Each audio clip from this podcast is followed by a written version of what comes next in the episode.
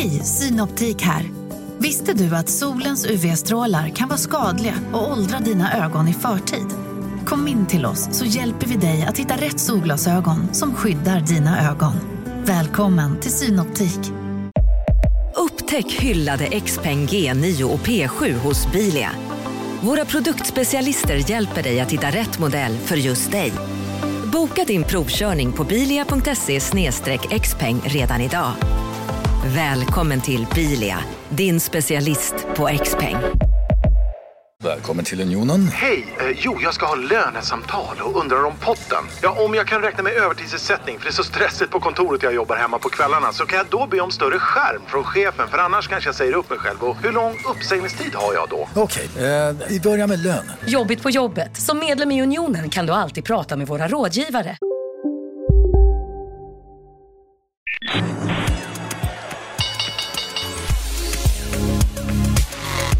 Här är Marknaden med Helene Rothstein.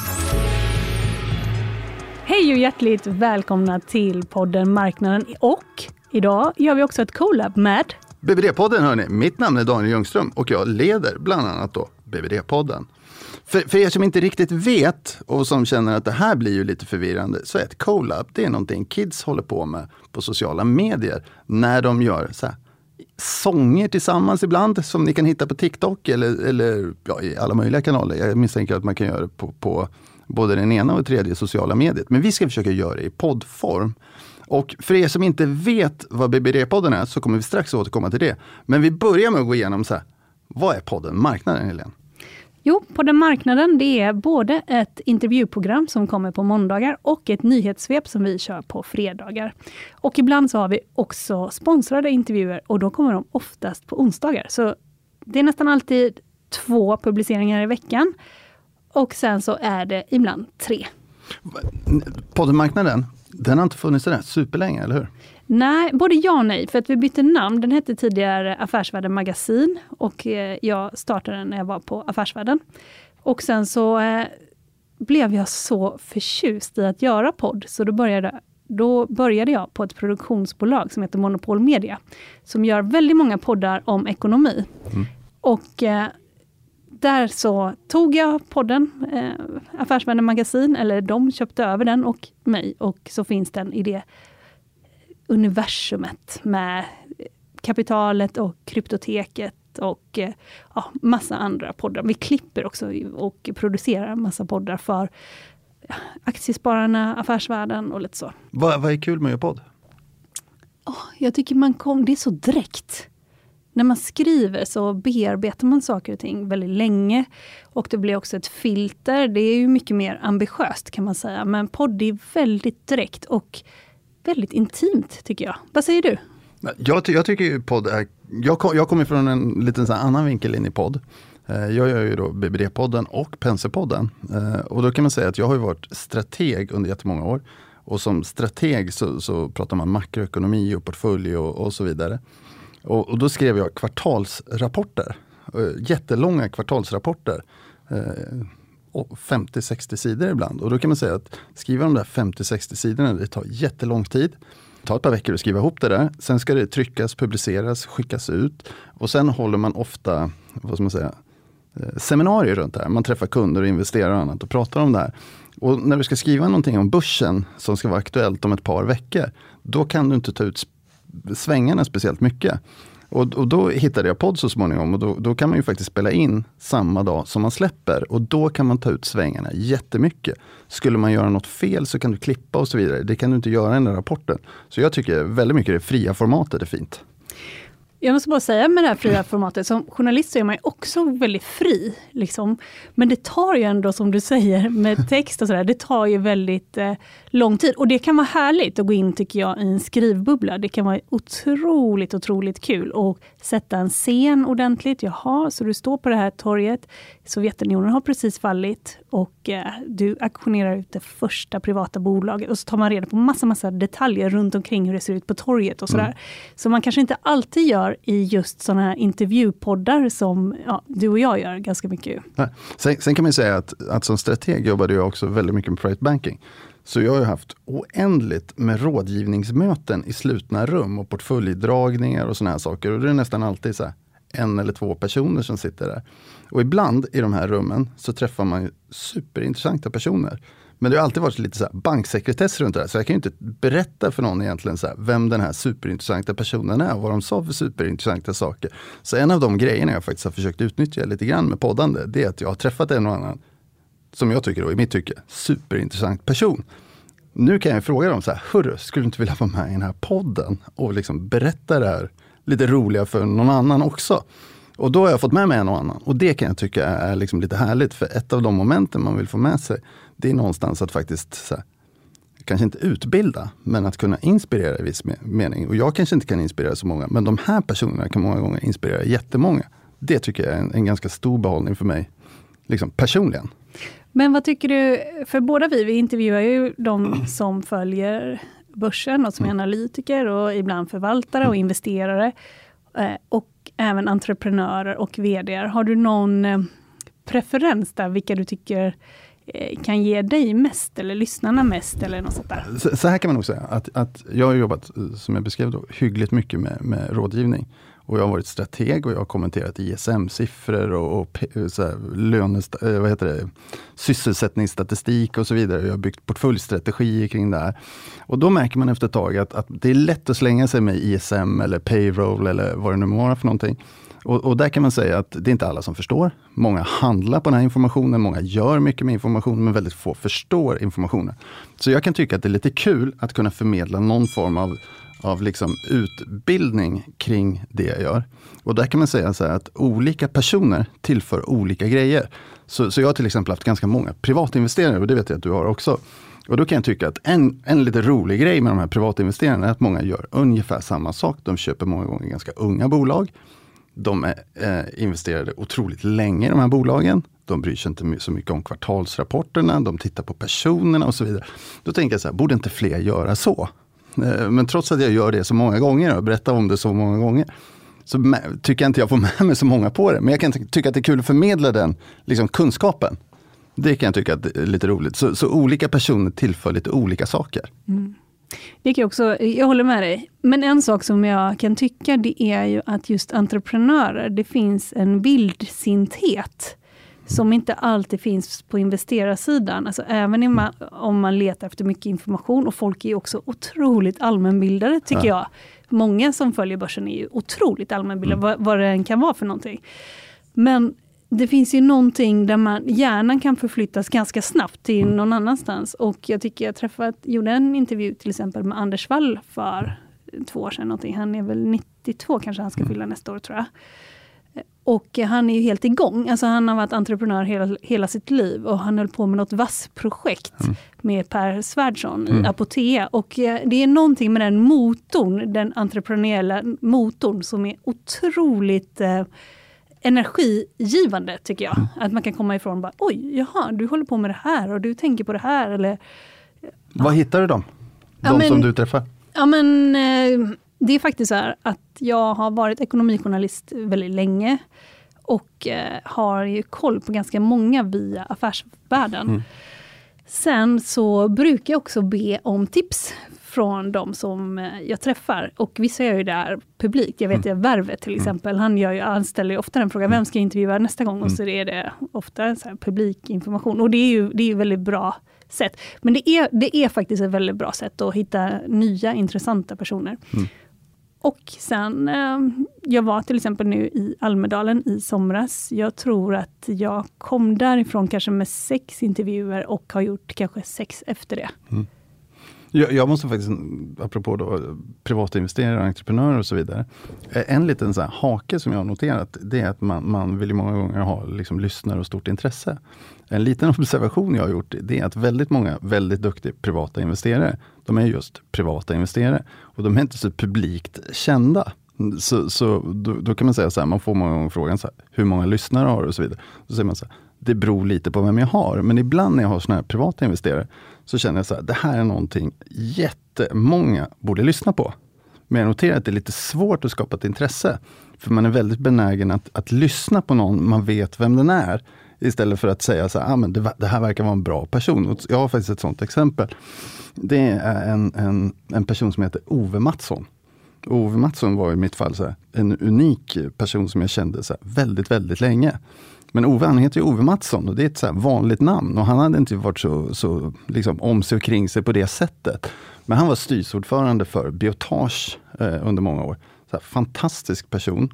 När vi skulle göra podden, jag, jag kommer inte ihåg exakt hur gammal han är, men säg att han var 75 år när vi gjorde podden. Då måste vi anpassa poddtiden beroende på vädret där. För han är också fritidsbonde. Så, så vi kunde bara podda när vädret var på ett speciellt sätt. För han skulle inte vara ute och jobba då. Och, och trots sin, sin, vad ska man säga, sin ålder, så den här vildsintheten eh, som han hade då. Han, han slutar vara ordförande i Biotage. Han, han vad ska man säga, säljer sina aktier efter ett tag. Eh, sen tar han en ny position i ett nytt bolag, stort, lite mindre bolag då, och går in som ordförande igen och vill göra om den här resan. Så det tar liksom inte slut. Och den energin vill man få med sig. Men det var lite svårt att skapa intresse initialt, för det var inte så många som visste vem Ove Mattsson var. Det hade man kunnat tagit ett enklare namn med mindre erfarenhet, men det är svårt att få fram. Hur lång framförhållning har du då? Min framförhållning är ju väldigt kort. Ja. Måste jag säga. Hur kort? Men, men den kan vara jättekort. Alltså på dagar? Eller? Det, det kan vara på dagar. Många gånger är det på dagar. Ja. Eh, det, det, måste jag säga ibland. Att, att, uh, ibland kan jag få ett infall på söndagen och känna så här att jag skulle gärna vilja podda med den där.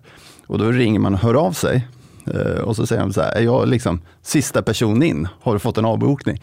Och det är bara inte en avbokning, utan det kan vara någonting som händer. Jag tycker, jag tycker ett par grejer är ganska viktiga när man gör, gör podd, eller skriver generellt. Det ska vara lite relevant. Det ska finnas någon form av liksom, lite nyhetsvärde i det man gör. Det ska vara ganska enkelt, det ska vara ganska personligt. Och då kan man säga så här, om någonting blir relevant så blir det ofta det med lite kort varsel. Och då kan jag ringa och fråga om jag kan få podda nästa dag eller om två dagar eller något annat. Så många gånger har jag inte så lång eh, framförhållning. Men du framförhåller lite längre?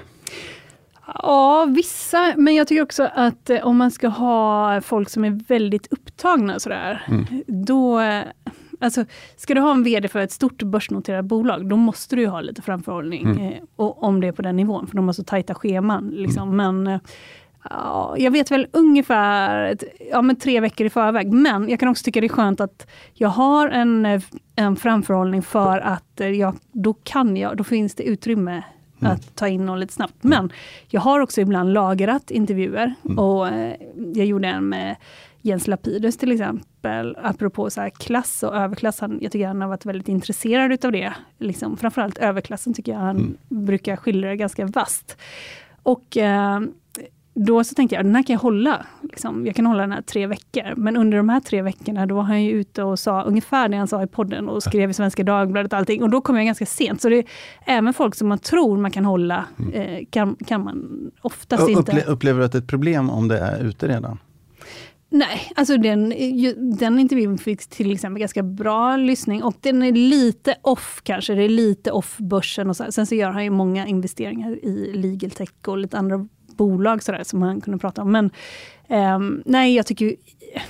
Jag vet inte, jag är ambivalent där. Vad säger du? Ja, jag, jag tycker att, jag gör ibland faktiskt numera också så att jag gör en videointervju och en podd. Ja. Samtidigt att jag använder, jag gör en film och, och använder ljudet till podd. Och då, då, tycker jag lite grann så att vissa kanske gillar att se en film, vissa kanske gillar att lyssna.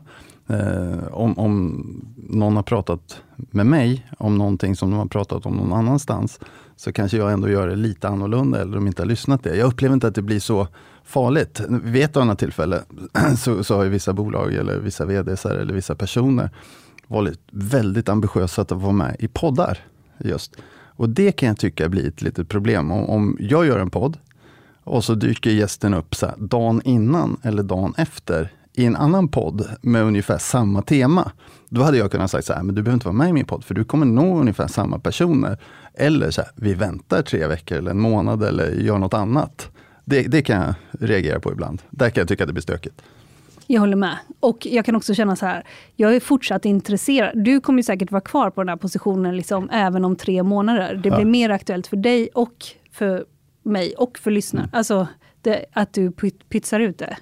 Eh, ja, det, där vet jag någon gång har jag faktiskt tappat humöret. Ja, du har det? Ja, helt och hållet. Jag, jag är otroligt vänlig så jag reagerar bara och tänker så här, just Jag har tappat humöret. det, det, där visste jag, det, där, det där visste jag faktiskt inte om. Men, men om, man skulle, om man skulle skriva upp det då, vad, vad lär du dig av poddandet? Eller vad hoppas du att andra lär sig av ditt poddande?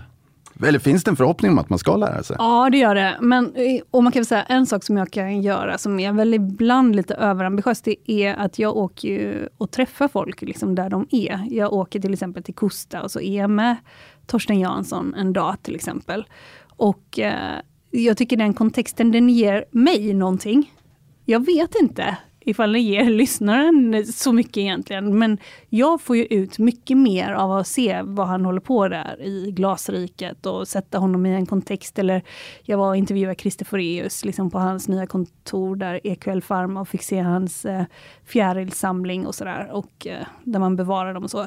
Och för mig så, det sätter sig ju mer i minnet tycker jag, när man har varit och besökt någon på plats. I, I, ditt minne alltså? Ja, i mitt minne ja. Mm. Men jag vet inte ifall... Eh, Alltså jag har fått positiv respons på det här. Mm. Eh, men ibland har jag tänkt på, blir det här en bättre intervju att göra på det här sättet?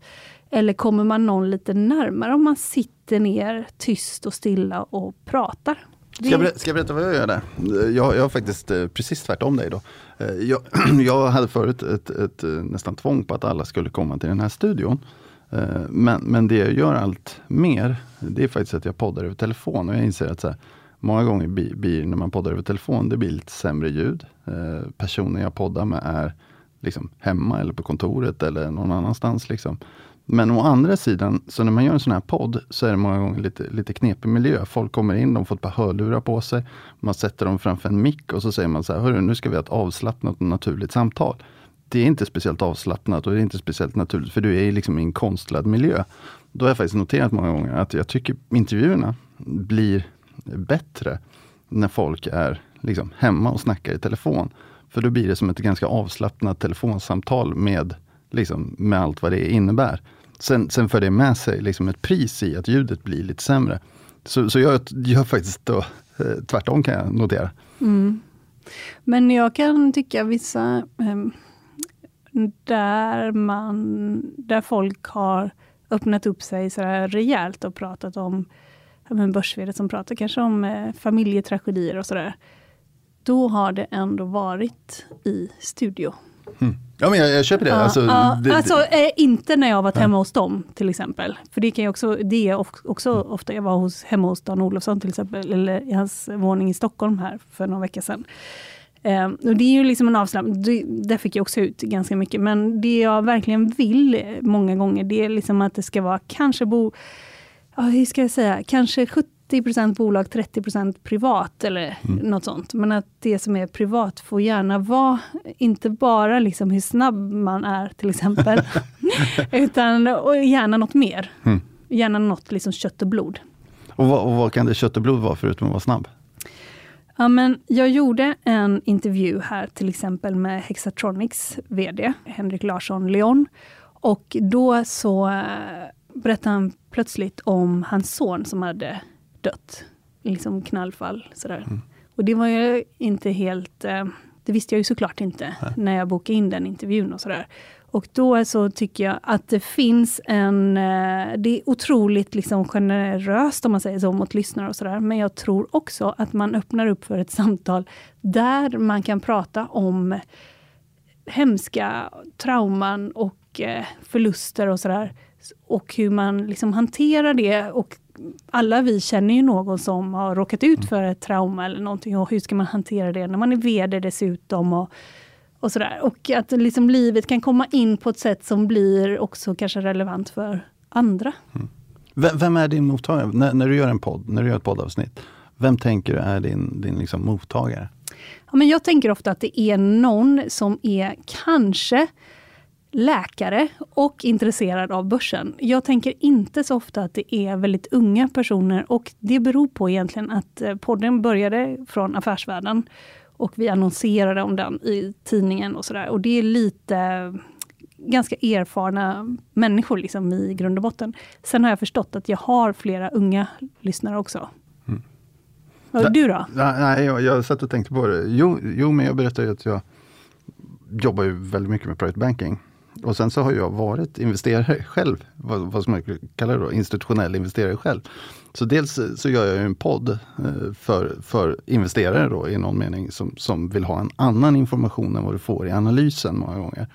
Men, men i huvudsak så kan man säga att jag pratar till dem som jag ser framför mig som min publik i private banking-sammanhang. Och det är nog ganska snarlikt eh, den publiken du har. Jag, jag, vet ungefär hur affärsvärldens eh, målgrupp ser ut. Och det kan man säga så här, att det gäller ju, det gäller ju även för, eh, för om man säger private banking. Men där kan man faktiskt tänka så här att, att en stor del av det som är private banking-råd, det är ju egentligen råd när det kommer till själva kapitalförvaltning som är allmängiltiga.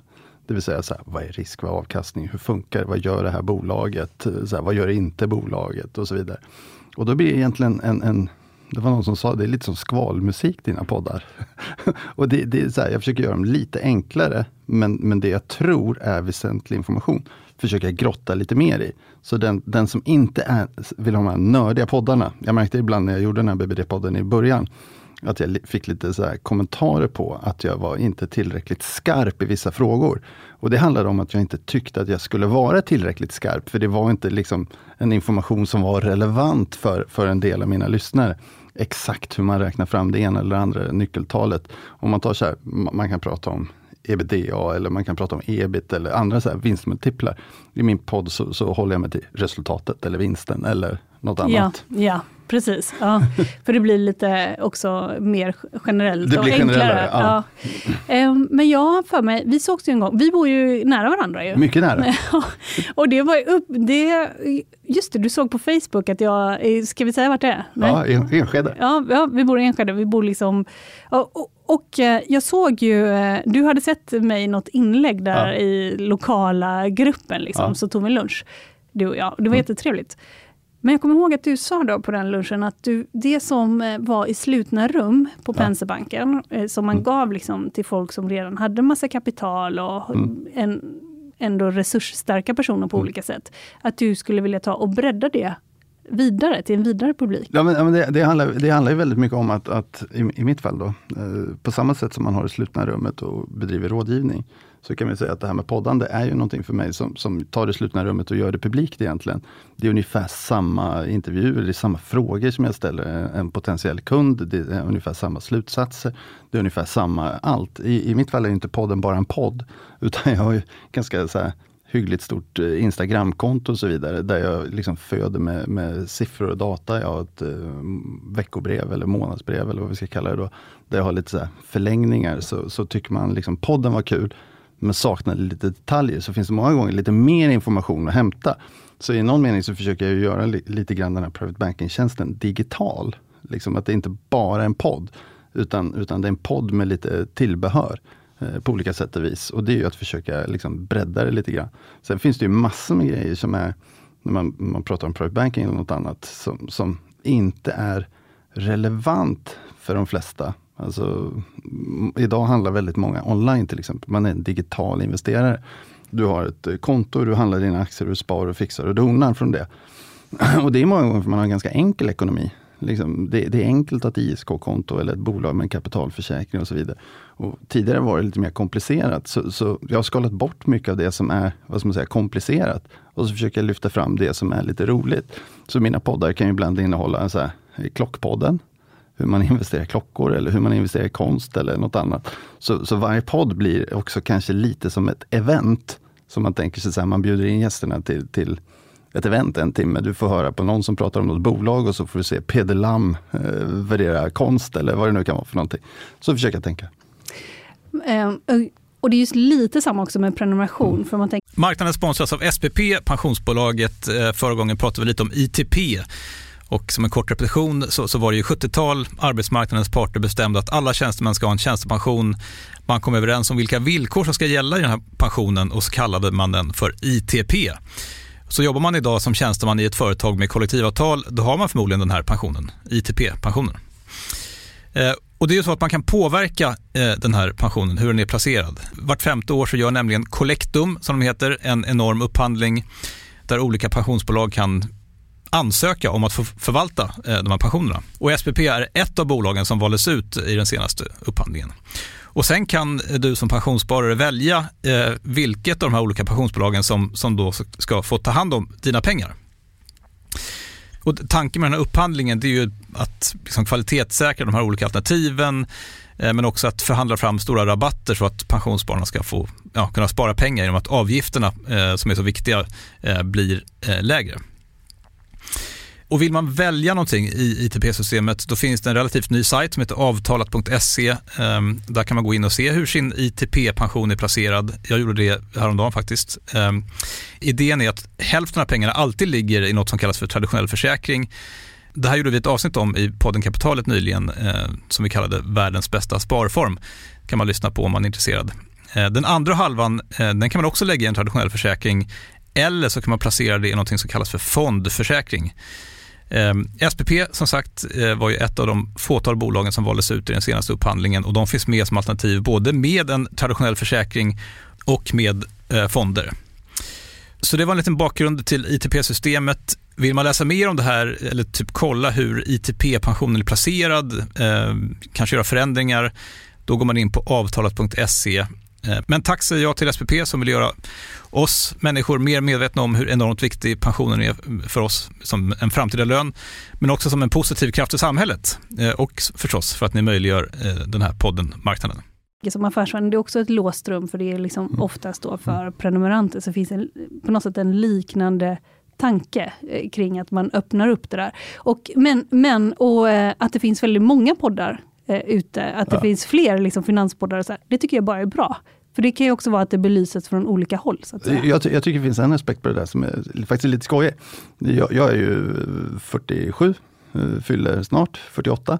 Mm. Och då kan man konstatera att, och jag, jag, var chef för Wealth Management på Erik Penser Bank och då, då, kan man konstatera att här, när jag träffar andra i min ålder som har jobbat i branschen, som, som liksom, ja, på olika sätt och vis då är lite engagerade.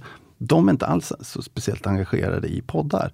Och det tror jag beror på att, att det har kommit ganska sent och hänt ganska mycket. Så det stora engagemanget för poddar finns, vad ska man säga, i, i, i de här digitaliserade eh, kunderna, om man tittar på Twitter eller Instagram eller vad det nu må vara för någonting. Där finns det ett superstort engagemang och det finns liksom olika poddar för olika målgrupper. Så på så sätt tycker inte jag heller att det gör någonting, för jag konkurrerar inte med, med två killar som, som snackar aktier. Det, det, det, är inte min målgrupp. Nej. Som, där man håller sig på en halvtimme. Det var jättemånga i början när jag poddade som sa så här, hörru Daniel, liksom, din podd är en och en halv timme lång eller två timmar lång eller vad det nu var för någonting. Då säger de så här, en bra podd, den är 25 minuter till 30 minuter. Vi vill ha ett par, tre tips och så vill vi ha lite, lite snack. Då säger jag så här, men då finns det ju andra poddar för er. Så jag ser min podd som en form av komplement till, till dem till exempel. Inte som en konkurrent. Nej, nej, nej men jag håller med. Eh, hur tänker du då när man kommer ut ändå så pass ofta, har du ibland så bara, gud vad, vad ska jag ta in nu? Tar, folk i din värld, tar de slut eller känner du nej, att, nej? Nej, så här, så här tänker jag faktiskt. Eh, där har jag faktiskt en, en väldigt tydlig tanke. Jag vill gärna att mina gäster är återkommande gäster. Eh, med, med viss frekvens. Och det, det, hänger ihop med det här utbildningsmomentet i, i mitt fall. Att, att jag tycker så här, om man pratar om, om aktier och bolag till exempel, så, så går aktier många gånger så här, aktier rör sig väldigt mycket på börsen. Men, men, bolagen gör inte alls så himla mycket. Så det finns en väldigt stor skillnad i det korta perspektivet mellan vad bolag är och gör och vad en aktie är och gör. Eh, så, så i mitt fall så, så, vill jag i väldigt stor utsträckning förmedla, eh, om, om, vi tar en VD då till exempel, bolaget och inte aktien. Och det hänger många gånger ihop med att, att om, säg, säg att ett bolag har många aktieägare. Aktien rör sig väldigt, väldigt mycket. Det stressar en massa folk att se den där aktien hoppa omkring liksom åt olika håll och kanter. Och så kanske de fattar massa beslut. Men det här bolaget är ju exakt nästan samma bolag, eh, plus minus lite grann, som det var för en månad sedan. Så, så jag vill gärna ha, när det kommer till bolag, här, samma bolag som är lite återkommande. Sen kan jag variera mig på ganska många bolag, men, men ändå förmedla den här bolagsstoryn. Eh, så i mitt fall så, så, kan man ju ha lyssnat på Vestum till exempel ganska många gånger under året. Du kan ha lyssnat på Storskogen ganska många gånger under året. Du kan ha lyssnat på, på liksom flera bolag, Volati till exempel, eh, K2A. Eh, Bravida, där jag har dem som återkommande. Det är bara för att jag försöker förmedla en, en berättelse om det här bolaget. Inte bolaget och vdn som en engångsgäst. Men jag har också engångsgäster, men om du förstår eh, skillnaden då. Så, så det tycker jag är ganska mysigt. Men du kör lite mer diskussion, eller hur? Eller? Eh, ja, jag Då kör, blir det annorlunda. Ja, jag kör lite mer diskussion och eh, om någon ska komma tillbaks då ska det oftast ha gått ett år. Men det, det beror på, för att jag har också på fredagarna så är det liksom mer av ett nyhetssvep. Jag noterar att du har många gäster då. Ja, precis. Och då har jag flera gäster. Och där kan man komma tillbaks. Och eh, där kan man också, om någon har varit med i fredagsavsnitt, så kan man också sen vara med i måndagsavsnitt tre månader senare. Eller någonting. För då Hur scoutar du personer till det? Hur, hur får, sitter du och ringer dem eller? Ja, det gör jag faktiskt. Ja, Ja, och sen så har min vd också, Jakob Bursell, han är också med där. Och sen så finns det också en producent som heter Jesper Hagenborn, som också eh, är med på ett hörn. Men annars så är det, ja, det är jag Men, men, om man, men om man tar då att du ska ha en fredagspanel och så ska ni diskutera fredagens nyheter. Vet du tre veckor innan vilka gäster du har den Nej, fredagen? det här är ju så himla bra fråga, för det här fredagsprogrammet är ju ganska nytt. Ja. Så att det, det är en jättebra fråga, för när ska man bestämma gäster? Jag Mm. har ibland bestämt gäster och sen så har nyhets, alltså två veckor i förväg, och sen har nyhetsläget blivit något helt annat. Mm. Eller liksom något verkligen stort. Och hur ska man då göra med de här gästerna? Plus att det är ju bra om de kan komplettera varandra Mm. och fylla i liksom i varandras story och sådär. Men det är någonting, eh, nej men där funderar jag faktiskt fortfarande hur man ska göra. I, också så här om man ska ha ett tema, till exempel som på EFN har de ju ofta ett tema, kanske retail eller e-handel eller sådär. Eh, Om man ska ha åt det hållet, eller om man ska diskutera veckan som gått. Hur, hur kommer du fram till vilka nyheter du ska diskutera? Nej, det är bara ur eget huvud. Nej, eh, nej. och sen så jag, jag kollar också på såklart liksom vanliga flödet och Dagens Industri och Twitter också, veckans eh, snackis. Och podden Marknaden, var kommer själva namnet ifrån? För det är, ett- det är ett ganska oväntat namn. Ja, men det kommer ifrån en brainstorming på kontoret. Det var också så här att vi hette Affärsvärlden Magasin innan och det är inte heller liksom ett jättebra poddnamn, ganska långt. Det är liksom, någonstans så bryts det av också i feeden. Affärs... Ja. Och eh, då var det, ja, vad ska vi ha för namn? Om, också om det ska vara liksom lite brett. Och då hade vi också, du har ju ditt eh, personliga namn. Det var också något vi tänkte om, om jag skulle ha det, men eh, nej, vi tog ett ganska neutralt namn. Och det är också så att vi görs utav kapit kapitalet är också med i familjen. Och då är det kapitalet, marknaden och så någon gång kanske staten kommer. Aha, Nej, men- aha. Ja, vi- det vi blir lite tydligare. Ja, det blir lite tydligare, men eh, det, det är ju ganska otydligt kanske för andra. Men, men det rör sig också, på fredagarna så är det väldigt mycket marknaden. Och eh, ja, och att det inte behöver just vara börsen. Äh, brett namn. Jag, jag kan berätta det här att jag har ett personligt namn. Det kan jag tycka är lite, eh, nästan till lite skämmigt emellanåt. Men, men här, måste jag stå mitt kast lite grann. Jag har två barn. Eh, Min, son han är ganska engagerad i väldigt mycket av det jag gör. Men jag försökte engagera min dotter i sparande eh, och vad jag gör lite grann. Och hon var eh, vid tillfället, hon är 14 nu, hon var 12 ungefär när vi diskuterade det här. Då frågade jag henne vad hon tyckte att den här podden skulle heta. Och hon har ett TikTok-konto som heter Nails by Minna. Och hennes direkta översättning var då Bank by Daniel. Så, så, så jag kände själv så här, "Oh, det där blir svårt. Men nu hade jag ändå ställt frågan. Och då kände jag så här, för att skapa intresse och engagemang så, så började jag egentligen med sociala mediekonton som hette eh, Banking by Daniel. Och det var egentligen för att få med henne på spåret lite grann. Eh, sen, sen kan jag inte påstå att jag har lyckats sådär superväl, men, men jag behåller namnet i, i varje fall. Och, och då, apropå video då, då var det faktiskt som så att en liten sån aha-upplevelse till mig, det var att hon körde då ett, ett konto som heter Nails by Minna eh, på TikTok. Eh, där hon egentligen håller på med naglar kan man säga. Och då kör hon med så här en halvtimmes varsel att hon ska ha så här live eh, nagelmålning. Och då, då har hon så här 320 liksom, människor. Jag vet inte riktigt vad publiken består av. Men, men som tittar på det där live. Och då kan man säga att jag som har jobbat mycket med event och grejer på, på banker, alltså investerare, träffar och kundträffar och vad det nu kan vara för någonting, inser att så här 320 personer är så här jätte, jättemycket. Eh, Men med de här nya teknikerna så går det så fort om du gör någonting som är lite relevant för många. Och, för många och smalt också. Och smalt. Ja. Och för många var det jätterelevant. Så jag tänkte att ah, det kanske ligger något i det. Sen såg jag att andra, andra började också med de här namnen på fonder och grejer. Så då kände jag mig mycket, mycket tryggare kan man säga. Ja, nej men ja, det, det, det ligger nog i, i tiden. Det kanske Och, och det, det är också lite det här med personligt. Liksom, för det är en sån grej lite grann som man märker ibland att, att just det här, lite så här, vem är avsändaren? Det kan vara lite svårt i, i de här sammanhangen. Och jag är ju avsändaren. Så att, men, men jag lever med det där namnet. Men du är ansvarig utgivare också? Man blir inte det på en podd på det sättet ju. Ja, vi har det. Ja, men, men det, det ser lite olika ut med lagstiftningen kan man säga. Där, Ja. där jag vet att vissa har fått det. Jag kan ju vara ansvarig utgivare för ett veckobrev till exempel. Ja. Så, så att det finns lite definitioner, men jag är avsändaren och bolaget är avsändaren. Kan du inte bjussa på en blunder?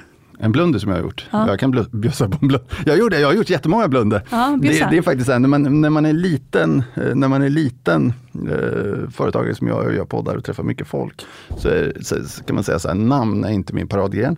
Eh, jag hade en, en eh, börs-VD eh, som jag konsekvent kallade för fel namn, eh, fel efternamn under hela eh, podden, mer eller mindre, utan att ri- riktigt så här, reflektera över det.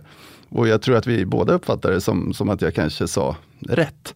Den här namnövningen har jag gjort flera gånger. Jag kallade en förvaltare för fel efternamn också. Jag såg att han hajade till när jag, när jag sa namnet, men han sa ingenting. Och det tror jag är apropå det här att man sitter i en konstig miljö, att, att ingen vet när man ska bryta in och göra vad. Så att eh, jag, jag har alla möjliga varianter. Men jag har också en grej där jag faktiskt har bjudit in en gäst för att eh, ställa specifik fråga. Där han till syvende och sist faktiskt inte ville ställa frågan. Och då var vi ändå live. Så att, eh, då körde vi på ändå. Så det uppstår ju massa grejer i det här vad ska man säga, du är ändå live, det är ändå en anspänning och det, du är koncentrerad på massa saker och då blir det blunders mest hela tiden skulle jag vilja påstå. Ja, jo, det blir det. Vad är din värsta? Ja, men min värsta, jag vet att jag har sagt det här för de som har lyssnat på ett avsnitt som kallas för Marknaden. Ja, men ett eh, var när jag intervjuade Ilja Batljan för länge sedan och eh, då hade min eh, inspelning inte gått igång. Så att, Hela inspelningen var klar. Ja, hela inspelningen var klar.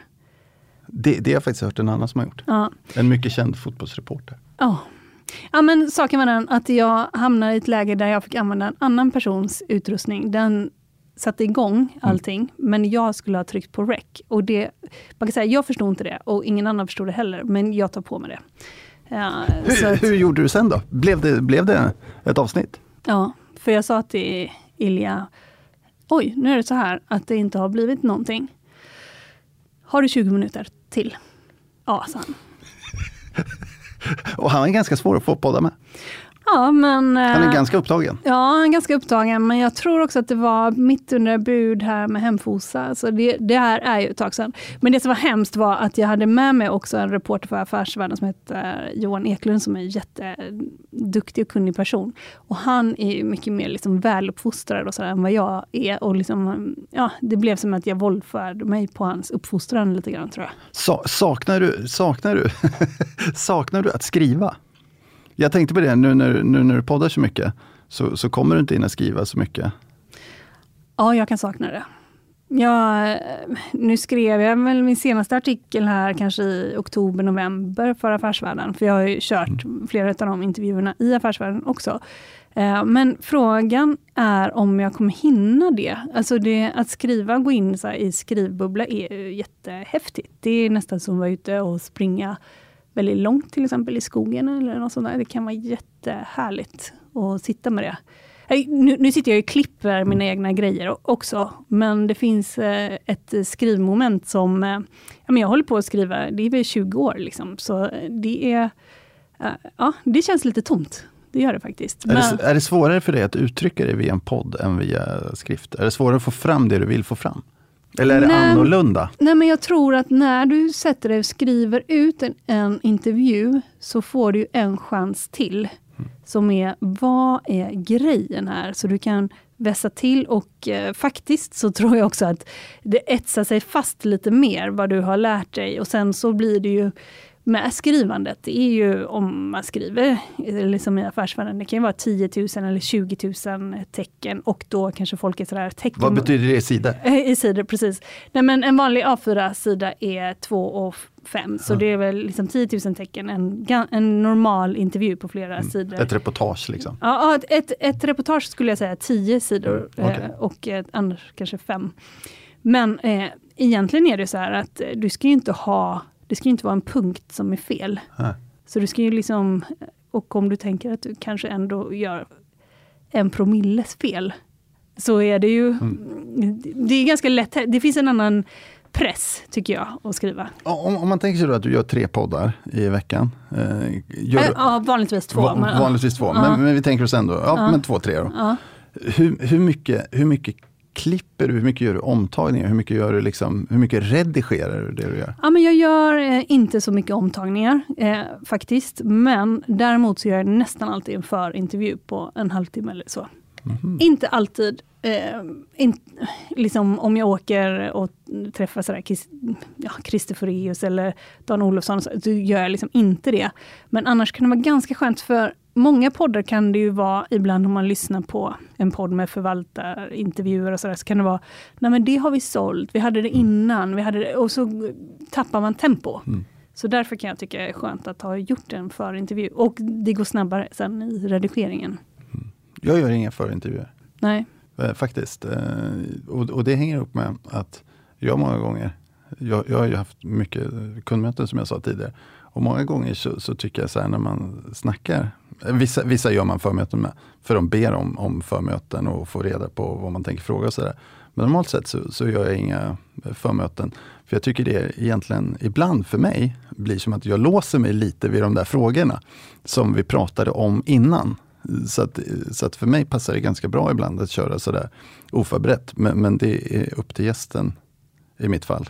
Och vissa är ju vissa är ju noggranna med att få veta lite grann i förväg. Sen noterar jag faktiskt att, att ibland när vi gör frågor och liksom funderingar och sådär. När man väl är igång med själva podden så, så släpper man den här handbromsen och Ja, röda tråden ja. och så bara far iväg någonstans. Ja, det är jätteskönt. Det är jätte, jätteskönt. Ja. eh, Jag gör ju inte det, när jag har de här fredagsintervju eller fredagsavsnitten, då, då är det jättemycket manus. Mm.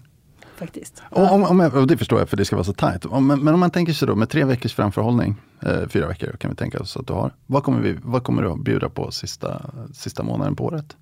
Och första inledningen numera. Ja, men på, nu är jag jättenervös. Jag vet inte när det här släpps. Nej. För nu eh, i dagarna, om två dagar ska jag träffa Mats Sundin till exempel.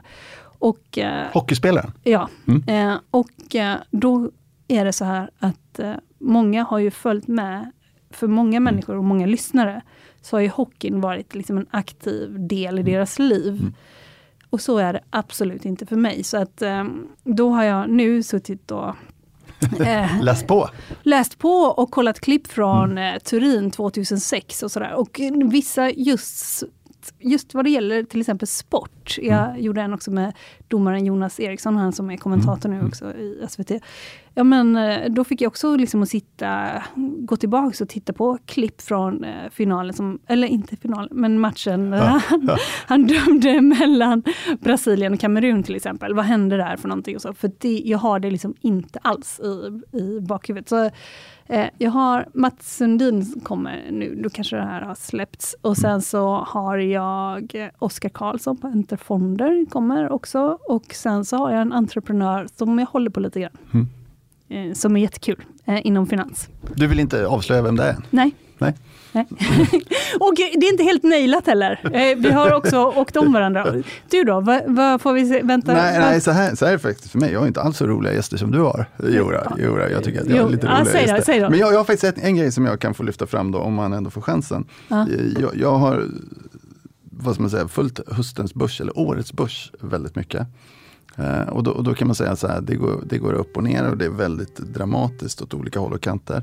Och, och den här dramatiken, den, den ser man faktiskt inte riktigt i bolagen. Så, så hela december mer eller mindre kommer, kommer att handla om att jag pratar med ett, jag har många andra gäster också, men, men med ett gäng gäster som är vd i bolag om sådana här saker som så här, hur ser deras affärsplan ut? Hur ser deras budget ut? Vad gör de ett sånt här år när det ändå blir den här typen av dramatik? Hur förbereder man sig? Liksom, hur hanterar de det här och så vidare. Och det är för att jag tycker många gånger att det, det som händer det är att när det blir så här så blir det superstressigt. Eh, man ser många gånger att de som faktiskt är på säljsidan är, är privata investerare. Eh, de privata investerarna blir skraja. Och sen så brukar man prata många gånger om att det är de institutionella investerarna som börjar köpa. Och då tänker jag mig att det, det beror många gånger på att de här privata investerarna, de har lite mindre, de kan inte lika mycket helt enkelt i, i många fall och agerar lite annorlunda. Så lite, så här, lite utbildningsmoment i hur tänker bolagen, hur redigerar, hur liksom hur förhåller sig bolaget? Och det är lite på samma sätt som en analytiker liksom drar inte ner sina målkurser dramatiskt för att kursen liksom faller, utan de har en kurs som ligger liksom flera år kanske bort. Eh, och det där har många gånger privata investerare kanske lite sämre koll på. Sen kommer jag prata robotförvaltning. Jag kommer prata framtida handel till exempel med, med olika gäster. Så att, så att lite sånt. Men jag vill ändå ha det där liksom, ja. utbildningsmomentet i bakgrunden någonstans. Ja, men det ser man ändå fram emot att höra på. För det jag, låter så himla ja. trist när jag tänker på det, men, men jag tycker faktiskt att det är jättespännande. Ja, jag, jag går igång på allt. En fråga till. Eh, en sista fråga kanske mm, till mm, dig. Mm. Saknar du att jobba på bank? Eh, både och kan man säga. Jag saknar, jag saknar, jo men det gör jag lite grann. Eh, det, jag, saknar, jag saknar kanske till viss del, uh, vad, vad ska man säga, det, fin, det finns bra och dåliga grejer med allt. En grej som är väldigt roligt som jag inte gör idag, jag gör ju inte affärer på samma sätt. Eh, det, jag har alltid varit ganska affärsdriven. Jag har varit ganska så här, produktorienterad i att försöka utveckla vad ska man säga, affärer. Nu har jag utvecklat koncept för kommunikation kan man väl säga då, i någon mening. Men lite grann så saknar man affären. Eh, det är lite kul att göra en affär. Eh, det gör jag inte just nu. Det, det är... Ja, det finns ett, eh, en liksom, energikick utav det? Ja, jag har, jag har varit väldigt konkurrensorienterad kan man säga. Det är lite som jag är glad när, när den banken jag jobbar på får göra en viss affär och någon annan kanske inte får göra den. Inte för att jag tjänar pengar på den eller någonting, utan det är bara en liten känsla. Som när någon spelar innebandy och gör mål. Liksom. Matchen är inte jätteviktig, men ändå kul att få göra det. Det saknar jag. Saknar du själv något? Jag saknar extremt mycket eh, att man gör en produkt ihop. Mm. Nu sitter jag och jag jobbar med väldigt smarta människor. Det har, mm. man, det har säkert du också alltid gjort och det gör jag nu också. Men jag kan sakna att man, det som man gör blir en helhet tillsammans med flera mm. personer. Och ibland tänker jag, man kanske borde ge sig in i filmvärlden, för då är det ju verkligen så att alla jobbar med exakt samma grej. Mm. Så den liksom produktkänslan kan jag sakna. Och jag kan också sakna Eh, nu finns ju liksom affärsvärlden på nätet och framförallt, eh, det vill man också att man ska lyfta fram. Men jag kan sakna, konstigt nog, tryckdagar. Mm. när en tidning går till tryck. Jag vet att eh, framförallt eh, när jag höll i det momentet på Affärsvärlden, att det kunde kännas som att man var pilot och liksom nu lyfter vi.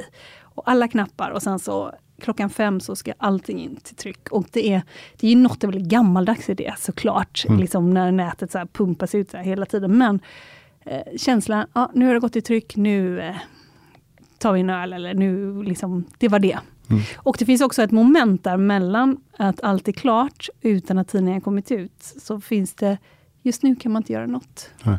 Det, det, kan man ju förstås ja. alltid göra, för världen pågår ju hela tiden. Men just när man har lämnat den, eh, ja, jag kan sakna tryckdagar.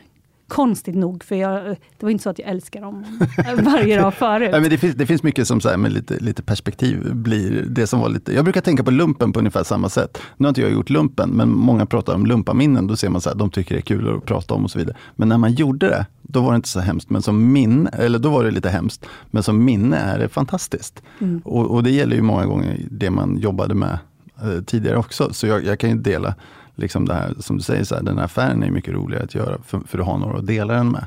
Som chef var inte det jätteroligt kan man säga, för då har du en annan roll i den affären. Så det var egentligen, ju mer specialiserad man var, ju roligare var det. Så att, eh, det kan jag ta. Helene, vi, vi ska börja avrunda. Du får hälsa Mats från mig. Ja, känner du honom? Nej, du får hälsa. jag behöver all info jag kan få. Ja, stort tack! Det här var jätteroligt, Colab. tack! Och eh, du har lyssnat på ett, ett Colab med Helena Rothstein och Dan Högström. Ja, tack! Tack! Hej då!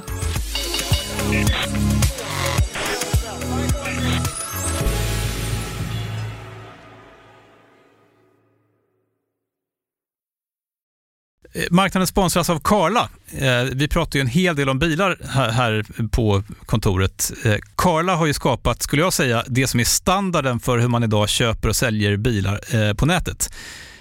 Kort bakgrund bara. Karla säljer och leasar begagnade elbilar och laddhybrider på karla.se. Alltså en helt digital upplevelse. Och man har gjort det här med ett nästan maniskt fokus på vad en bilköpare faktiskt behöver. Jag gjorde ju en intervju med en av grundarna, Patrik Illerstig, i marknaden här eh, ganska nyligen, eh, daterad 25 mars, om man vill lyssna på den. Eh, men där berättar han hur de kom in i det här lite från vänster för att försöka uppfinna hela den här liksom bilköpupplevelsen från början. Och de har idag, vilket är rätt otroligt, 4,8 i betyg eh, på Trustpilot. Jag, jag har sett många företagssidor på Trustpilot, men det här är nog bland eh, det bästa jag någonsin sett eh, faktiskt. Man kan sälja bilen till Karla också. Eh, då går man in på karla.se, delar lite info om bilen, sen får man en gratis värdering och ett bud. De hämtar bilen helt gratis i hela Sverige och så har man pengarna på kontot i samma stund som de hämtar bilen. Det är grymt.